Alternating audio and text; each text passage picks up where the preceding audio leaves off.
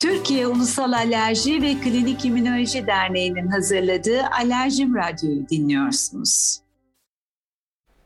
Merhaba ben Doktor Demetcan. Bugünkü konuğumuz Ankara Üniversitesi Tıp Fakültesi Alerji Bilim Dalı'ndan Sayın Profesör Doktor Gülfem Çelik. Hoş geldiniz Gülfem Hocam. Merhabalar.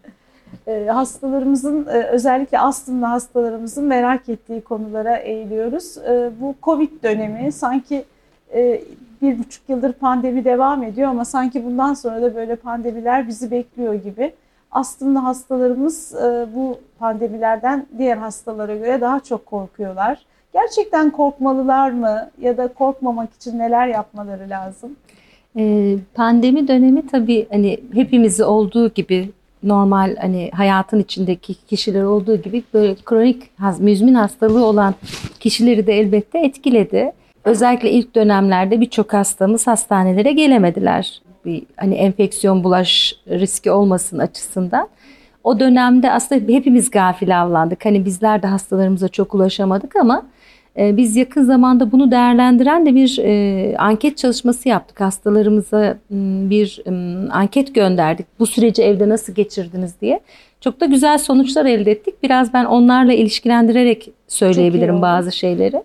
Bir kere ıı, hastaneye gelişleri kesinlikle azaldı hastalarımızın. Kendileri de bunu söylüyorlar. Bunun esas nedeninde enfeksiyon kapmamak için olduğunu söylüyorlar. Fakat güzel iki tane nokta var. Bir tanesi doktorlarıyla teması kesmemiş durumdalar. Yani bir şekilde telefonla, WhatsApp'tan işte konuşarak, mesajla e, çeşitli yollar, e-posta yoluyla doktorlarına ulaşmışlar. Bu böyle bir yeni bir hareket olarak ortaya çıkıyor ki hani biz bunu yine normalde de doktorlarıyla teması kesmemelerini öneriyoruz. Hani çok e, değişik seçeneklerin sunulduğu bir çağda yaşıyoruz artık. Bütün seçenekleri sonuna kadar kullanmak gerekiyor.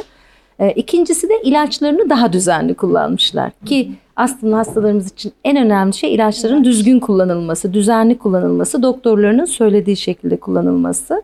Bunu daha dikkatli yaptıklarını görüyoruz. Yine sonuçlarına baktık. Hani bu kişiler astım krizi daha mı fazla geçirdiler Covid öncesi doktor evet, gördükleri evet. döneme göre?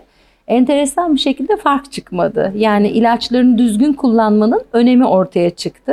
O nedenle bu çalışmanın sonuçlarından söyleyeceğim şey şu ki ilaçlarını düzenli doktorlarının söylediği gibi kullanmaları.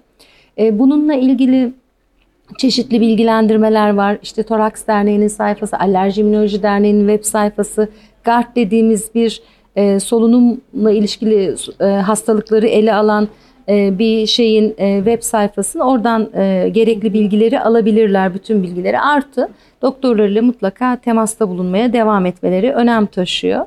İlaçlarını kullanmaları, işte biraz hareketsizlikten kaynaklanan bir obezite, evet.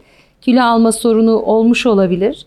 E, bu nedenle hani ev içi hareketlerini yine yapabilirler. Biz astımlı hastalarımıza e, işte hani dağa çıkma ve suyun dibine dalma dışındaki sporları kontrollü bir şekilde yapmalarına izin veriyoruz yapabildikleri ölçüde.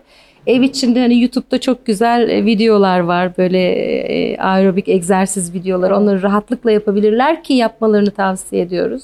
Sağlıklı beslensinler. Özel bir beslenme yapmalarına gerek yok ama normal Akdeniz tipi beslenme çok önerdiğimiz bir şey. Ekstra bir ilaç astım için bizlerin önerdiği ilaç dışı bir şey almalarına gerek yok. Bir vitamin takviyesi vesaire.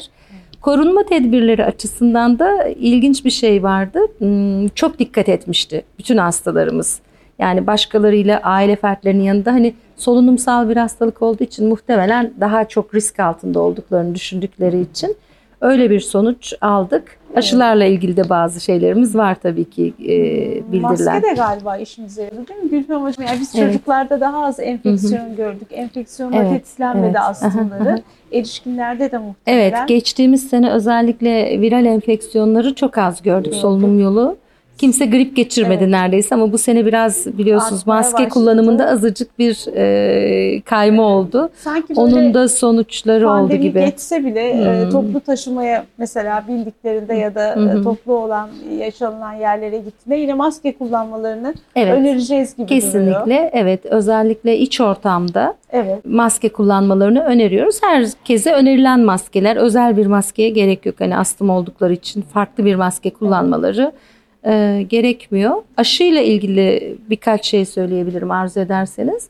Hastalarımızın e, büyük bir çoğu aşı olmuş durumda. O bizim Evet. e, araştırma popülasyonumuzda. Türkiye'nin çok merkezinden bu çalışma yapılmıştı ve e, aşı ile ilgili ciddi hiçbir reaksiyon yok. O nedenle hastalarımıza daha önce bir e, grip aşısı veya bir aşıyla ciddi bir alerjik şok hikayeleri olmadığı müddetçe veya o e, aşıların içindeki maddelere karşı bir duyarlılıkları olmadığı müddetçe mutlaka e, COVID aşısını e, zamanlandığı şekilde olmasını öneriyoruz. Çünkü aşılar koruyor. Bu çok net bir şekilde belli.